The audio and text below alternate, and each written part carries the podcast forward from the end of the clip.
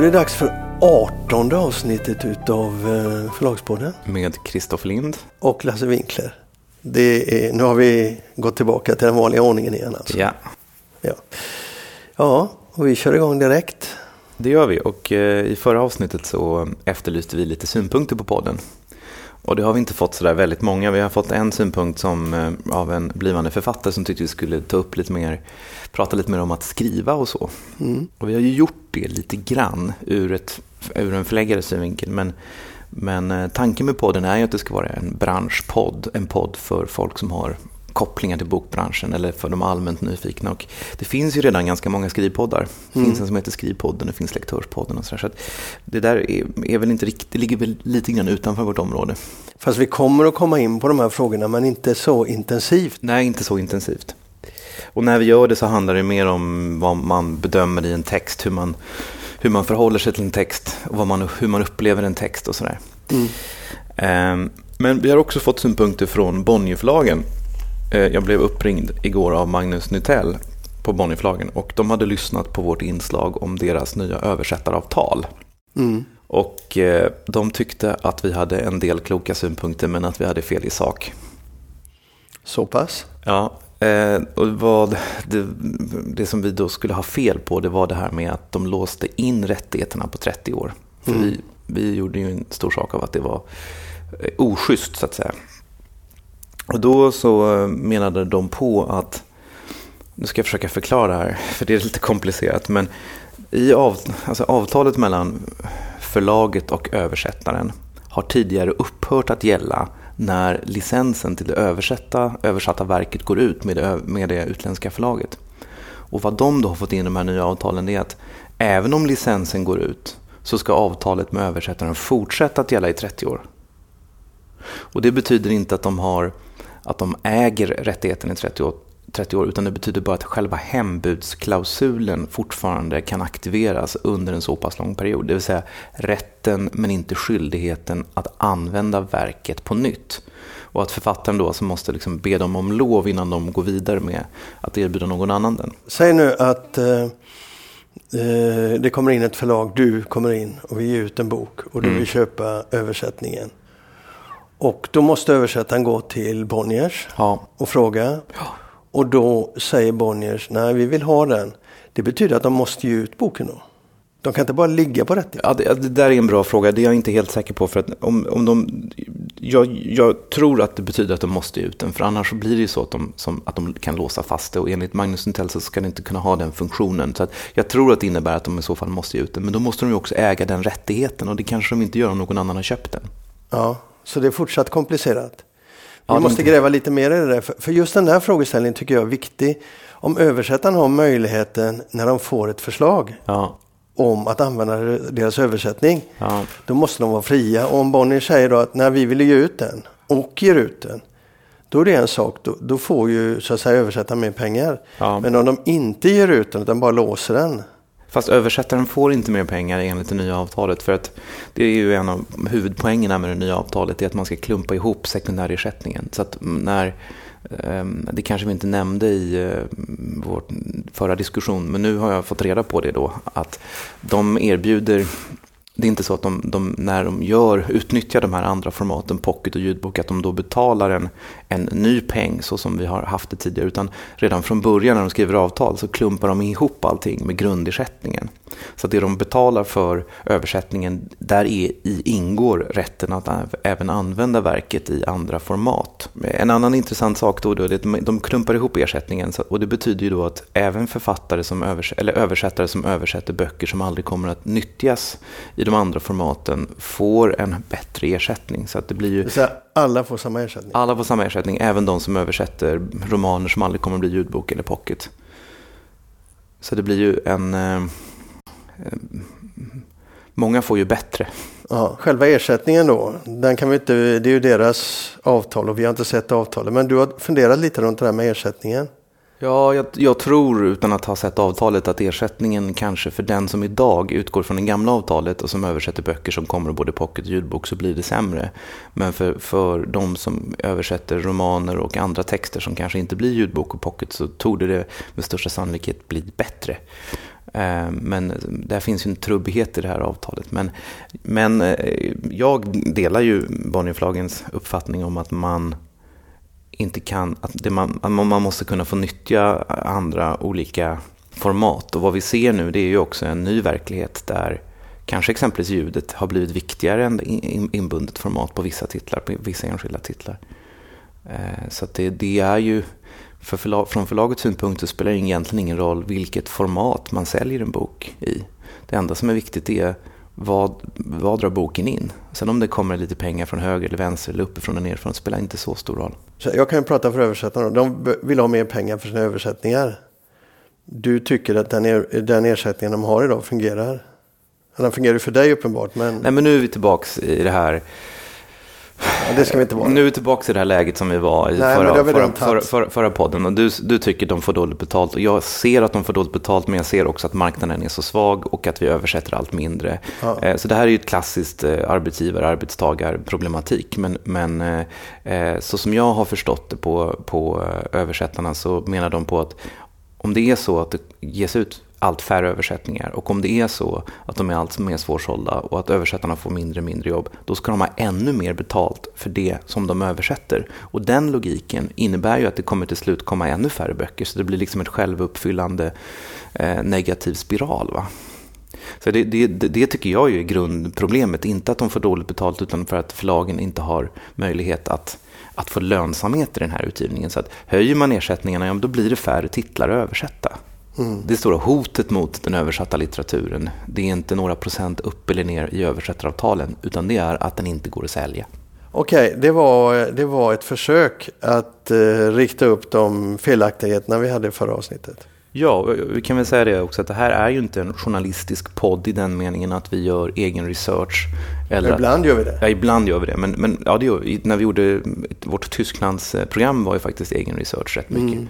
Mm. Eh, så ibland gör vi egen research, men um, i stor utsträckning så bygger den här podden på att vi kommenterar händelser och att vi kommenterar fakta som vi ofta har fått från en annan källa. I det här fallet så var det Svensk Bokhandel som, som vi hade hämtat informationen ifrån. Och så, eller att vi berättar vad som händer inifrån förlaget. Så också naturligtvis. Men det betyder att säger vi saker om någon som inte stämmer så får den personen gärna höra av sig så rättar vi till det. Ja, eller att de kommer hit till podden tycker jag är ännu roligare. Ja, det också. Okej, okay. då eh, byter vi ämne.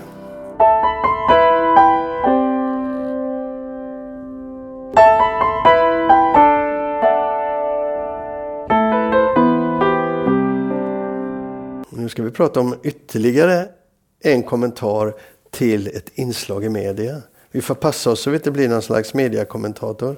Uh, nej, det ska vi passa oss för. Men det här var intressant för det här var någonting som vi tidigare talat om i podden. Det är en person som heter Carl Berglund och han har doktorerat i litteratursociologi på en avhandling som heter Mordens marknad. Och uh, där i den här boken, så, eller den här avhandlingen, så slår han då hål på ett antal myter om den svenska deckaren. Och en av de myterna då är att den svenska deckaren är så samhällskritisk. Och där hittade han en frände i dig? Ja, för det här har jag ju varit så trött på ganska länge. Jag tycker ju då att man har förädlat och eh, adlat och förfinat den svenska deckaren genom att göra den till samhällskritisk. Nordic noir, det är smutsigt, det är rått, det är liksom samhällets utsatta människor som skildras och sådär. Eh, och det här går ju tillbaka till Sjöwall Wahlöö och jag tycker ju att Sjöwall Wahlöös samhällskritik i stort sett är en bluff. Eh, de var vänster när alla andra var vänster och eh, det är en ganska unken kvinnosyn och det finns inte så mycket som, som, som, som, som så att säga är kontroversiellt där. Och det är precis detta som Carl Berglund lyfter fram. Och han har ju då lyft fram ett exempel eh, och det är Roslund och Hellström. Och det, innan jag säger det jag ska säga så eh, jag tycker verkligen det här är roligt för att det stört mig så otroligt länge. Men han säger att det är väldigt bra böcker och det tycker jag också att de skriver. Men de har gjort en stor poäng och även deras förlag har gjort en stor poäng att de är samhällskritiska, att de skildrar samhällets utsatta, samhällets skuggfigurer har använts. Eh, och sen så har han tittat på vad de har gjort och det, de har exempelvis en bok som heter Odjuret, så har de en pedofil som är fullständigt vidrig. Och eh, att lyfta fram ganska perifera samhällsfenomen som alla, som det råder total konsensus kring, är fullständigt vidriga. Och, och liksom slå på stora trumman och säga titta vad hemskt, det finns en pedofil. Det är inte att vara samhällskritisk, för det är inte att utmana någon. Det är inte att, det är inte liksom att eh, vara kontroversiell, det är inte att ta ställning till någonting som är besvärligt, utan det är liksom att sparka in en öppen dörr. Fast även, även om du sparkar in en öppen dörr så kan du vara kritisk till samhällsutvecklingen. Det måste man ju säga. Alltså, de, de går ju in i, i, i företeelser i samtiden som de är kritiska mot och så lyfter de fram dem. Eh, det beror lite grann vad man menar med samhällskritisk i så fall. Jo, fast många, många menar ju då att man, man är samhällskritisk för att man beskriver samhällsproblem. Mm. Och Carl Berglunds poäng är då att om man, om man har en bok som handlar om trafficking och bygger en spännande historia kring trafficking så betyder inte det att man... Det är klart att man, tar upp ett, man kan ta upp ett problem, men man, sällan så problematiserar man det utan man beskriver, man beskriver det ganska tillspetsat och förenklat och ganska svartvitt så beskriver man fruktansvärda, vidriga, hemska, otäcka handlingar eh, och bygger då en spännande historia kring det. Och det är inte att vara samhällskritisk enligt den här doktor Berglund. Men det är att vara kritisk mot vissa samhällsföreteelser? Ja, men hur svårt är det? Jag är också kritisk. Mot, jag, är kritisk jag är kritisk mot svält, jag är kritisk mot aids, jag är kritisk mot cancer. Hade han något mer som var intressant i den där? Jag har inte läst den i sin helhet, utan det här var... Det här uh, har jag var bara... som du hittade? Ja, det här har jag tagit del av. Men uh, det som jag tror har gjort den svenska deckaren stor i utlandet på senare tid, det är ju inte det här samhällskritiska. Det är ju att svenska deckaren har skrivit om vardagen på ett sätt som man inte har gjort tidigare. Jag tror i synnerhet i Camilla Läckbergs fall att det har varit, i Frankrike exempelvis så var det liksom en stor sak att man, att man skriver om vardagen, att man skriver om så triviala saker. Alltså jag, jag, nu, nu svär jag kyrkan här då. Alltså en del av de amerikaner som jag läser som är väldigt förtjusta är väldigt bra på det. Men på ett annat sätt. Jag tycker ofta att, att det blir banalt.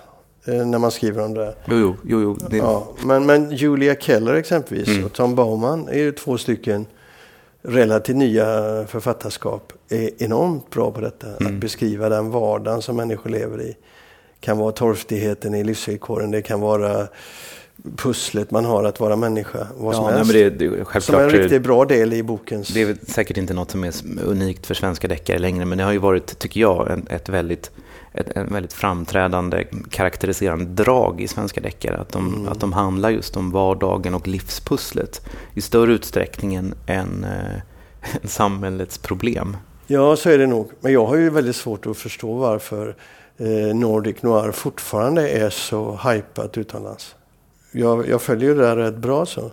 Jag har ju sett hur till exempel irländska deckare och skotska deckare har kommit på väldigt bred front. Ett tag var det ju så, det är inte många år sedan, som man både i Irland och Skottland var väldigt irriterade på den nordiska offensiven internationellt och undrade vad är våra författare? Mm. Nu är de väldigt väl etablerade inom, inom den anglosaxiska världen. På en sju, åtta år så har den här, eh, eh, vad ska man säga, den irländska och den skotska deckar Ja, nej men eh, nu har vi ju inga siffror så, så men det är väl eh, ingen hemlighet att Nordic Noir har pikat. Och Nej, att men du ser ändå när, att den har... När vi, när, vi var i, när vi var i Tyskland, vi gjorde ju Tysklands special också, ja. så träffade vi lite olika förlag och de sa ju, flera sa ju det att det, svenskarna har sålt på oss för mycket som inte har hållit kvalitet. Ja. Eh, och, eh, Eller vi har köpt för mycket skit. Ja, jo jag vet, men, men eh, agent, agent, agenterna säger ju det här är det nya och det bästa och ja. alla kan ju inte tyska och man har lektörer och så vidare. Men eh, poängen i alla fall var att, eller budskapet var att för, för tio år sedan så kunde man liksom mycket lättare sälja någonting med anspelning på att det var nordiskt eller svenskt. Och idag har det blivit svårare. Eh, och att det kommer ut så mycket och det är väldigt mycket som inte är kvalitet i det som ges ut. Så det är, den här Nordic Noir-stjärnan har nog dalat lite grann. Jag har, jag har en annan reflektion kring det här med eh, eh, samhällskritiken. Mm. Och det är att jag tror att eftersom deckaren, inte idag, men för, för 25 år sedan när, vi tal, när, när det var det här brottet, när det svenska började sälja och det utländska drogs ner, då hade den svenska deckaren så låg status och även på Sjöwall Wahlöös tid. Så att enda sättet att liksom motivera både att man läste den men också att man gav ut den och att man gav den plats i det liksom litterära offentliga finrummet. Det var att den var samhällskritisk. För först när den var samhällskritisk så fick den en, en relevans och en acceptans. Ja, där måste du, du kan ju inte pr prata om detta utan att pr prata om Henning Mankell. För det är han som driver den, så att säga, utveckling internationellt. Ja. Hans samhällskritik, ja. och den är ju verklig. Absolut. Den är väldigt tydlig. Den är, den är verkligen tydlig. Men, men eh, jag bara menar att jag tror att det här var en, i hans fall, naturligtvis så bottnade det ju i ett personligt engagemang. Men att man på senare tid har marknadsfört författare som, som så samhällskritiska och sådär. Det, det är liksom en rest från den, här, från den här gamla tiden som lever kvar, när deckaren fortfarande inte var riktigt rumsren. Att man vill liksom göra den finare och att man vill höja, höja nyhetsvärdet i den. Mm. Och det, det, det, är nog inte medvetet, men det, jag tror att det är det som är förklaringen lite grann. Mm. Ja, det, det, det, är väldigt fint att vara samhällskritisk. Och det är väldigt fint att, vara rum, att inte vara rumsren. Mm. Men de är väldigt rumsrena de flesta deckare jag läser. Otroligt. Och du ger ut rätt många rumsrena deckare. Mm, ja. det var en bra slutpunkt på den här, på den här, på den här eh, vad ska vi kalla det? Men, vänta nu här, innan du stoppar. Ja. Vad är inte rumsrent? Kan du säga en, en, en deckare som inte är rumsren? Idag? Mm, svensk. Nej, det kan jag inte göra. Man får gå till... Eh... Men du kan alltid hitta något i dina amerikanska gömmor. Men ja. Något som någon annan har läst och som kan relatera till. Och som inte är rumsrent. Du har rätt i det. Det mesta är rumsrent. Eller allt är rumsrent. Deckaren har en annan position idag. Eftersom den är så kommersiellt stark dessutom. En annan sak, nu, nu, nu, vi ska stoppa det här inslaget för det blir alldeles för långt. Men en, en, en annan sak som jag kommer att tänka på det är också att däck deckaren, de flesta deckare idag, det finns några undantag, men de flesta deckarna idag problematiserar ju inte heller brottets orsaker. Det kanske Sjöwall Wahlöö ville göra. Men eh, det är så dramaturgiskt tacksamt att låta mördaren vara en, en psykopat, en massmördare som, som eh, torterar och, och, dödar utan samvete 12 stycken, döds, 12 stycken offer. Men det är väldigt sällan man i, i, eh, i eh, i deckare idag läser om brott som egentligen bara är tragiska. Och de flesta brott, brott är ju bara tragiska. Och de har, de har, eh, tittar man bakåt så hittar man ofta utgångspunkter hur man kommer så långt fram. Ja, så det, även där finns ju inte heller det här... Medvetenheten? Nej, alltså det, det, skulle vara intressant att läsa en bok där man, där man eh, försöker förstå eller sympatisera med förövaren. Eller eh, Malin Persson gör lite, gör ju lite grann det i sin senaste bok. Eller där man, där man helt enkelt problematiserar själva kontexten. Och det, det skulle ju kunna vara en samhällskritisk mm. och ganska utmanande utgångspunkt, men den är givetvis inte kommersiell. För då stryker man inte läsaren medhårs. Nej. Att skildra en otäck pedofil och säga att vi vill lyfta fram samhällets orättvisor. Men det är ju, det är ju ingen som går i... Till och med Fredrik Reinfeldt tyckte det var bra. Det var så roligt, kommer du ihåg det? Fredrik Reinfeldt stod på scenen på Soliden och höll ett tal. Och så läste han, höll han upp Rosina Hellströms böcker och sa de här jag läste sommar, det är riktigt bra böcker, de kan jag varmt rekommendera. Och det tror jag var det sista de ville ha, en rekommendation av högledaren. Ja, då är man inne. Ja, då är man inne. Och där ska vi nu avsluta. Ja, det gör vi.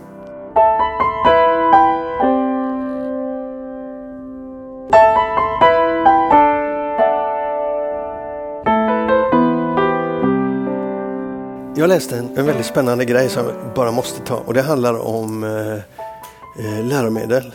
Sånt som vi pratar om jämt i den här podden. Eh, läromedel talar vi ju aldrig om. Nej, Nej. men det är så spännande.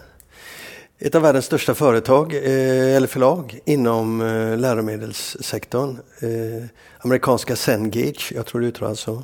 Tidigare Thomson Learning. Har bestämt sig från, för att från och med i höst erbjuda prenumeration på all deras utgivning. Som du är student till exempel inom, inom juridik i mm. USA. Och de har massa juridisk litteratur säger vi då. Va? Och sen har mycket ekonomisk litteratur, bla bla bla. Så kan du alltså som student prenumerera på hela utgivningen. Och så har du den under hela läsåret eller bara fan, en termin. Vet, vet, du vad det kostar? Ja, det kostar någon, någon, uh, tus, 117 dollar tror jag. 179 dollar för per hela år. läsåret. Mm. 117 för en termin. Men låter, grejen är den. Det låter lite jämfört med vad det kostar att köpa böcker. Ja, det kostar då, de räknar i snitt 500 någonting dollar mm. per, mm. per mm. termin eller läsår i USA. Men poängen är att sex av böckerna får du behålla. Du kan eh, låna pappersböcker under den prenumerationen i vissa sammanhang om du sen skickar tillbaka dem och så vidare. Va? Alltså de har massa erbjudanden. Och det där har de ju förberett i tre, fyra år så att ersättningen till författarna som är clearade. Va? Så nu när de går ut och konkurrenterna står där eh, och, och försöker komma ikapp så är det ingen som vet vad som kommer att hända. Men, men en sak som kommer att hända det är likriktning. Alltså Sengers kommer att ta jättestora mm. marknadsandelar. Och det betyder ju att folk på ett universitet, och det tror de kommer att hända då, va? olika institutioner kommer att gå samman och se till att de har det förlagets böcker. För det gör det enklare för, eh, för mm. studenterna och billigare för studenterna. Va? Ja, men det är ju det är både en, eh, en positiv och en oroväckande utveckling. Man kan säga samma sak om streamingtjänsterna inom, för vanliga böcker och ja. även ljudböcker. Och ja. det är att vinnaren tar allt. Det vill säga för att du ska, för att du ska, även samma sak med Netflix naturligtvis. Du, de producerar ett jättebra innehåll. Eh, och det är du beredd att betala för. Men för att kunna producera det innehållet och ha den bredden så måste de vara störst. Alltså det här är en sån stor nyhet. Jag, jag ville ta upp den för att det är en enorm nyhet som kan få oerhörda konsekvenser för bokutgivningen inom läromedel som ju ändå är en extremt viktig del av bokutgivningen. Nu kanske inte det händer på svenska universitet för där är det för, för eh, de är inte tillräckligt stora där. Det får ju vara på sina egna marknader de är stora. Men är det alltså de här abonnemangen, är det universiteten som köper abonnemangen åt studenterna eller studenterna som tecknar det jag tror att studenterna tecknar det själva. Mm. Men det innebär ju att små förlag kommer att gå under. De kommer att trängas undan för de kan inte erbjuda något liknande. Eh, och sen så kommer ju ersättningen antagligen att minska för författarna på det här sättet.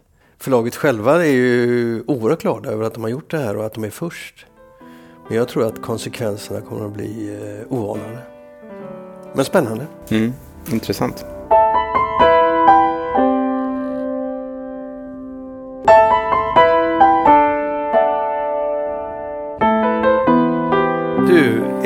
Fråga som alltid, alltid, alltid är på tapeten numera. Det är biblioteken och utlåning av digitala böcker. Mm, och den är, det är en fråga som eh, delar människor.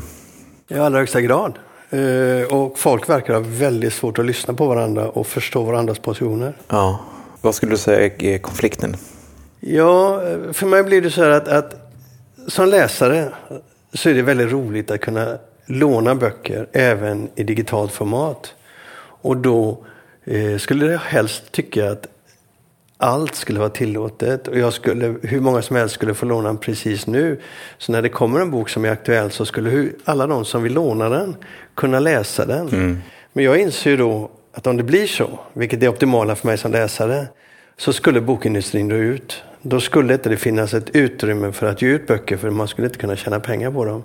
Och det där är ju en, en oskön konflikt. Ja, den är väldigt komplicerad tycker jag. Och jag, jag sitter, på, eller, sitter på två stolar. Jag, jag har ju jag har ett skattebetalarperspektiv och sen så har jag mitt eget eh, förlagsägarperspektiv. Och där kan jag ju vara, som förlagsägare kan jag se att det finns en del fördelar med systemet. Att jag kan, alltså, hur då? Ja, så förlag, eh, biblioteken använder ju offentliga medel till att eh, hälla dem över kommersiell eh, litteratur. Och eh, som utgivare av, av, den kommersiella litteraturen kan ju naturligtvis tjäna pengar på det. Ja, för man har ju bättre, man har bättre ersättning för eh, digital utlåning än man har för pappersutlåning, eller? Ja, vi får ju ingen ersättning alls för pappersutlåning utan pappersutlåning, vi får ju bara betalt för böckerna som köps in.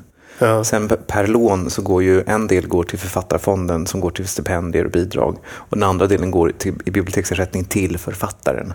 Och det är en personlig ersättning som inte förlaget har någon, någon, någon del av. Och det är ganska lite pengar. Så, att, så det, det, det vi tjänar på den digitala utgivningen är, är ganska rena pengar kan man säga. Det problematiska är ju bara att eh, om man tittar på hur de här utlåningsströmmarna går på det digitala materialet så är det ju det är inte så att folk sitter hemma och lånar Hans Fallada eller Tolstoj, utan folk sitter ju hemma och lånar det som säljer bäst. Ja, Och då kan man då, då, kan man då som, som förlagsrepresentant så kan man fråga sig, är det, är det rimligt det här? Om det här fortsätter? Därför vad vi gör då är att vi, vi låter folk sitta hemma i soffan och ladda ner eh, det mest populära som ligger på topplistorna helt gratis. Alltså att man rycker undan mattan för faktiskt den kommersiella marknaden som finns. Och att man lägger då skattepengar på att folk ska få tillgång till, till, till, till eh, väldigt kommersiell litteratur. Och där kan jag då som privatperson kan jag också tycka att det är eh, problematiskt för det ställer oss en annan fråga, nämligen vad är, vad är bibliotekens uppgift? Var tog folkbildningstanken vägen? Ja, och vad tänker du då? Nej, jag tänker att Förr i tiden så uppfattade jag att det fanns ett normgivande eh, anslag hos biblioteken. Att man faktiskt skulle försöka få folk att läsa klassiker, att få folk att läsa bra böcker, få folk att läsa en bredd. Jag säger inte att det finns bra böcker och dåliga böcker, men man, man hittade inte på biblioteken högar av det som låg på ICA Maxi. Och det gör det fortfarande inte, men i det digitala biblioteket så är det precis så det ser ut. Mm. Och, det, och, det, och där, vi kan ju också se på, på inköpen, och här är jag kluven också därför att jag inser ju att om biblioteken ska vara en spännande plats som man vill besöka och som hänger med så måste det finnas en bredd, det måste finnas det kommersiella. Men jag kan ju se på inköpen hur det har förändrats. För, för 10-15 år sedan, kanske 15 snarare, då kunde du, om du fick en bra recension i BTIs häfte. Ja, det är bibliotekstjänst eh, som, som servar biblioteken med underlag för inköp. Ja. Genom recensioner. Ja, och fick du en bra recension av en helt okänd roman. Det hör också till saken att de här recensionerna ska vara ganska neutralt skrivna.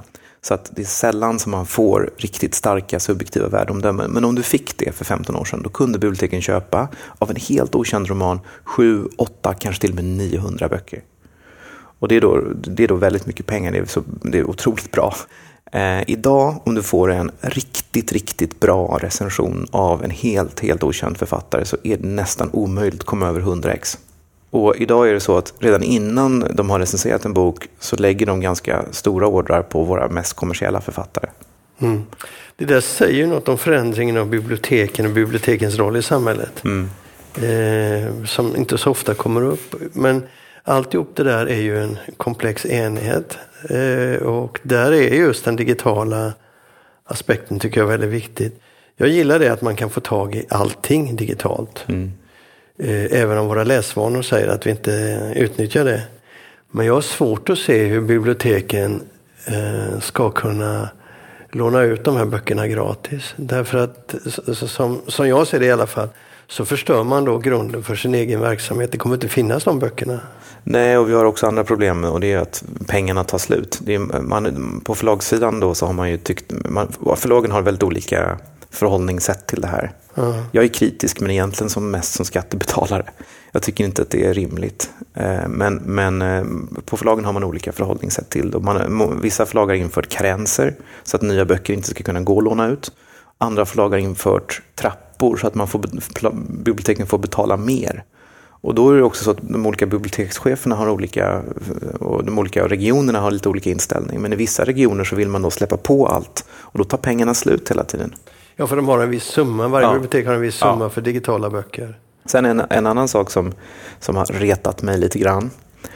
Eh, det är att Elib har tagit fram en app som ska hjälpa biblioteken att få folk att gratis låna digitala ljudböcker.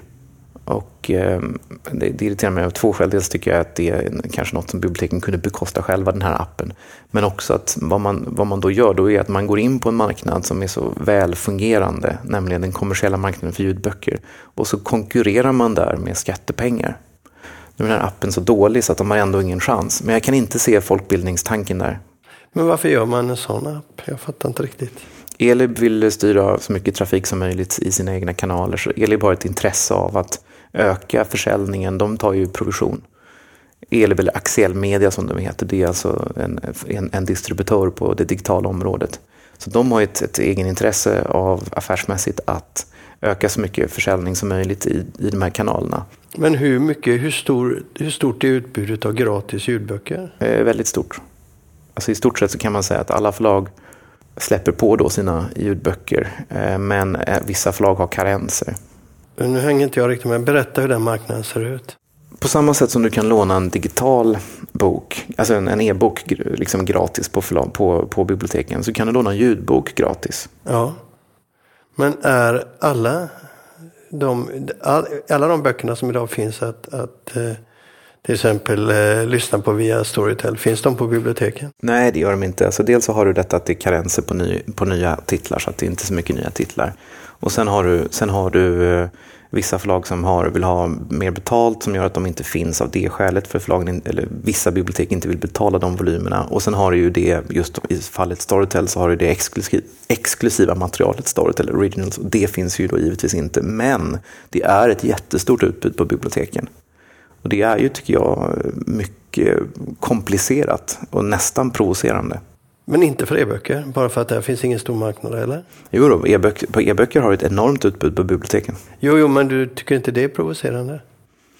Jo, det tycker jag, men där har du en större bredd. Alltså det, är en större, det, det är mer, det, finns en, det finns en större bredd och ett, ett större djup i det som produceras på e-boksidan.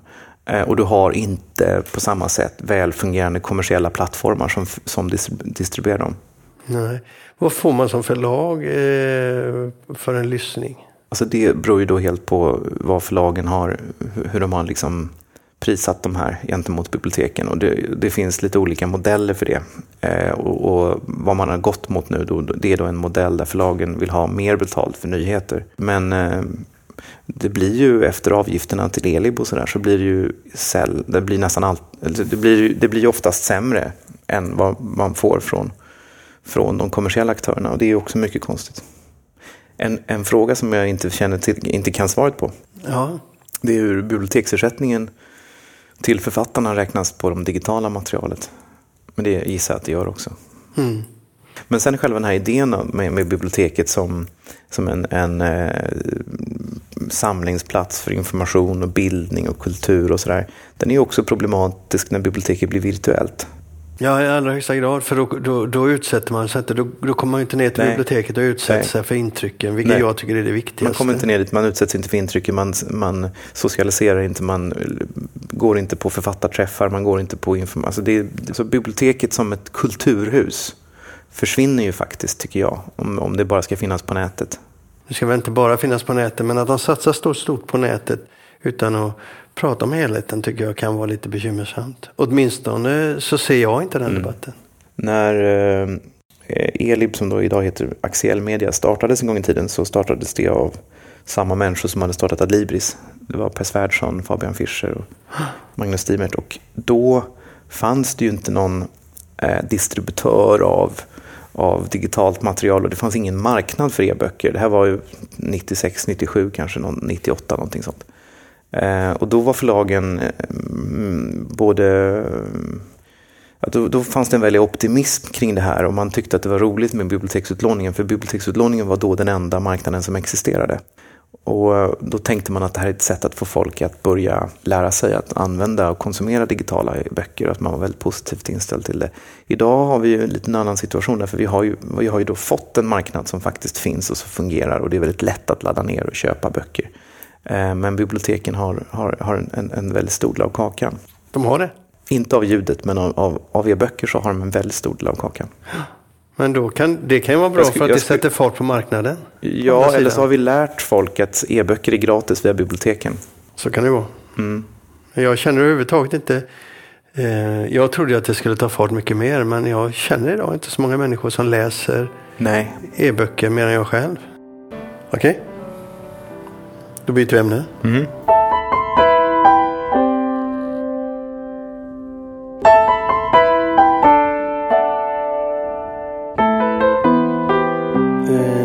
på bokmässan så pratade vi om en rolig sak.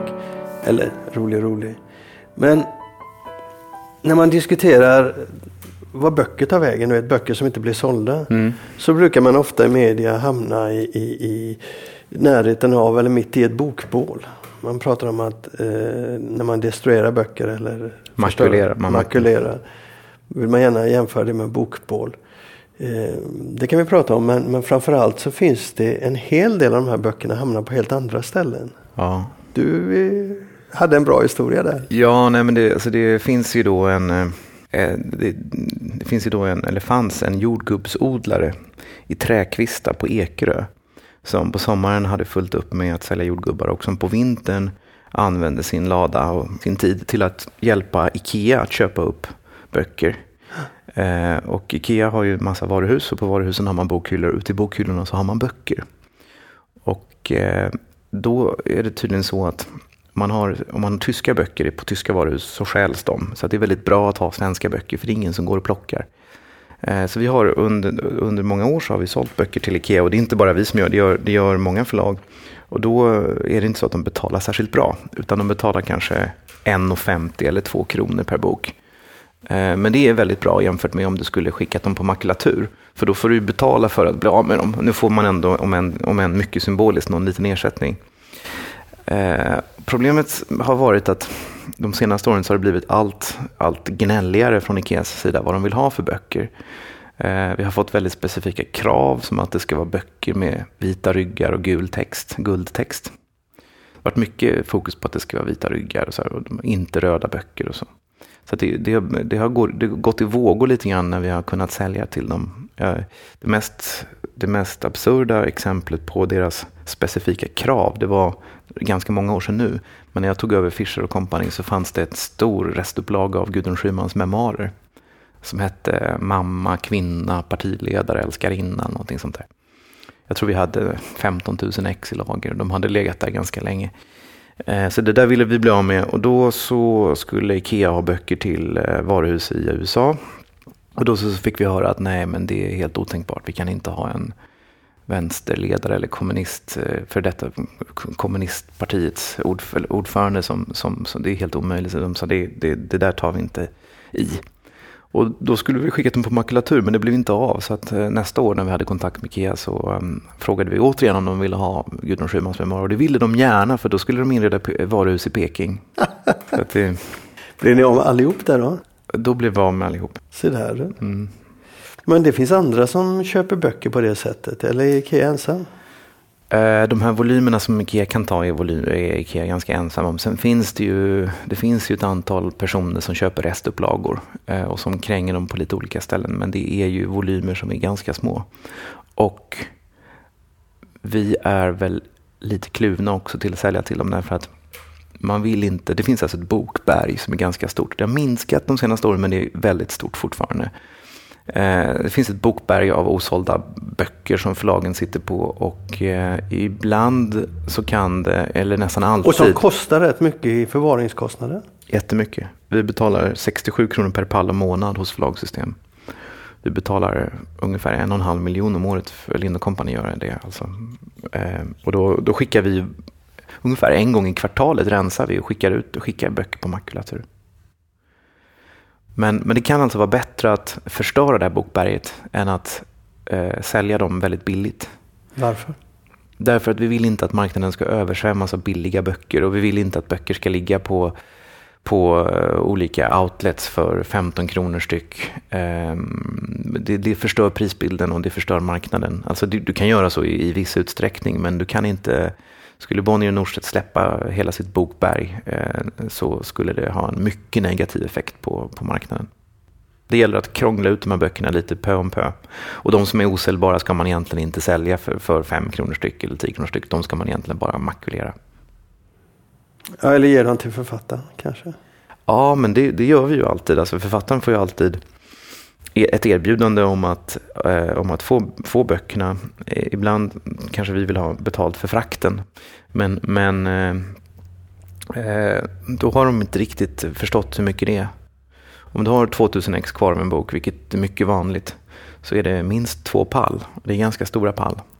Eh, och bor man i en lägenhet inne i stan så har man inte riktigt det utrymmet. Inte ens i källarförrådet? Nej, och har man ett hus på landet så tar du upp hela garaget och så står de där i tio år. Det är sorgligt. Som författare måste det vara väldigt sorgligt att stå inför den situationen och inte kunna ta emot sina böcker. Ja, det är sorgligt, men det är ju det är ju det är sorgligt, men det är så som det fungerar. Och det här är väl också något som vi kan, kan eh, tänka att i framtiden i takt med att de, den digitala försäljningen ökar så minskar också det här svinnet. För det, det, är ju inte alltid så att en bok som man har mycket kvar av är en bok som har sålt dåligt. kan vara så.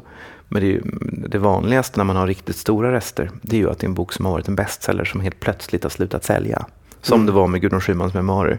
Den sålde då väldigt, väldigt bra och sen så var det en mycket optimistisk förlagschef som gjorde en alldeles för stort tilltryck. Mm. Men det finns episka felbedömningar. Det gör det. Men det farligaste är ju inte att ha ett stort lager utan det farliga är ju att värdera lagret högt. Det är sant. När, när, när, man sen ska vända. Det är ju många förlag som har, eh, om, om det finns någon, någon del i ett förlags balansräkning som det kan vara luft i så är det just lagervärderingen. Ofta. Mm. Så märker man att ett, ett förlag i kris, de lyfter upp Eh, värdet på, på sin... Eh, Absolut. Det är inte alltid så att det är medvetet utter ofta är det så att man har avskrivningsmodeller som följer en plan. Att man första året så värderar man alla böcker kanske till, till 90 eh, procent. Andra året till 80 och sen 70, 60, 50, 40 och sådär. Och har man en sån plan så får man per automatik ett alldeles för högt värderat varulager. Så om det är någon av, någon av lyssnarna som funderar på att köpa ett bokförlag så gå noga igenom eh, balansräkningen och titta på varulagret. För att värderar du varulagret upp, värderar du upp varulagret med en miljon, ja då ökar också resultatet med en miljon.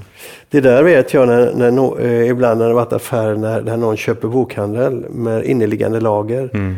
Att om de inte är noggranna och ser eh, det korrekta värdet eh, på det lagret så får man ett helvete att överleva. Mm. Det vet jag några som har uh, gått omkull på. Nej, men det är både förlag och bokhandel som kan gå omkull på det här. Det problematiska är bara att det korrekta värdet är omöjligt att säga. Den, ja, nej, det finns inget exakt. Det finns inget exakt värde. Däremot det enda du vet är att det korrekta värdet är lågt. ja, det är lägre än vad du vill tro. Men hur gör ni?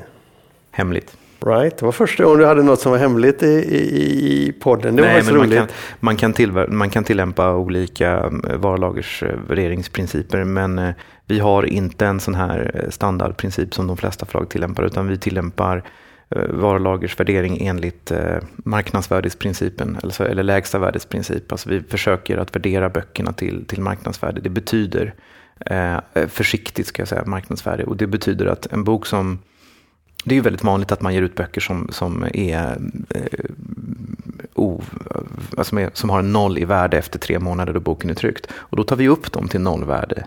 Eh, vi har bokslut per sista juli, juni. Förlåt.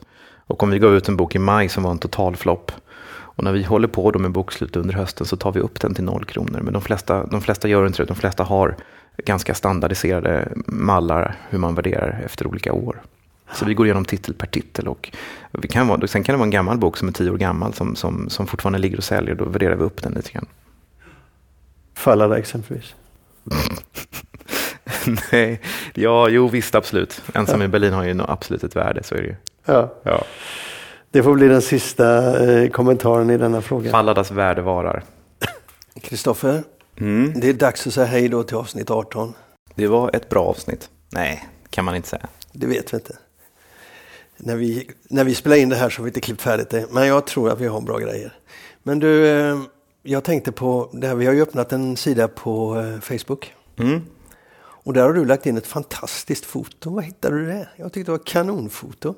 Uh, jag googlade fram det. Det är, ett, uh, det är från kriget. Det är ett foto av ett bibliotek som har, uh, som har blivit förstört av bomberna under blitzen. Ja, det, var, det, var det är väl... en klassisk bild, så den är, det är inte någon Nej, nej, men den, eh, jag har aldrig sett den förut. Jag tyckte den var väldigt fin. Jag tycker att det är en bra metafor för oss. Ett bombat bibliotek. Ja. Okej. Okay. Men eh, nu har vi alltså en sida på, på Facebook som heter Förlagspodden. Och tanken är väl att folk ska kunna komma in där och få lite extra material från oss men också kunna ge ifrån sig lite eh, kommentarer. Och vi öppnar ju den tack vare förslag från en av våra lyssnare. Tack Louise. Hej då! Hej då!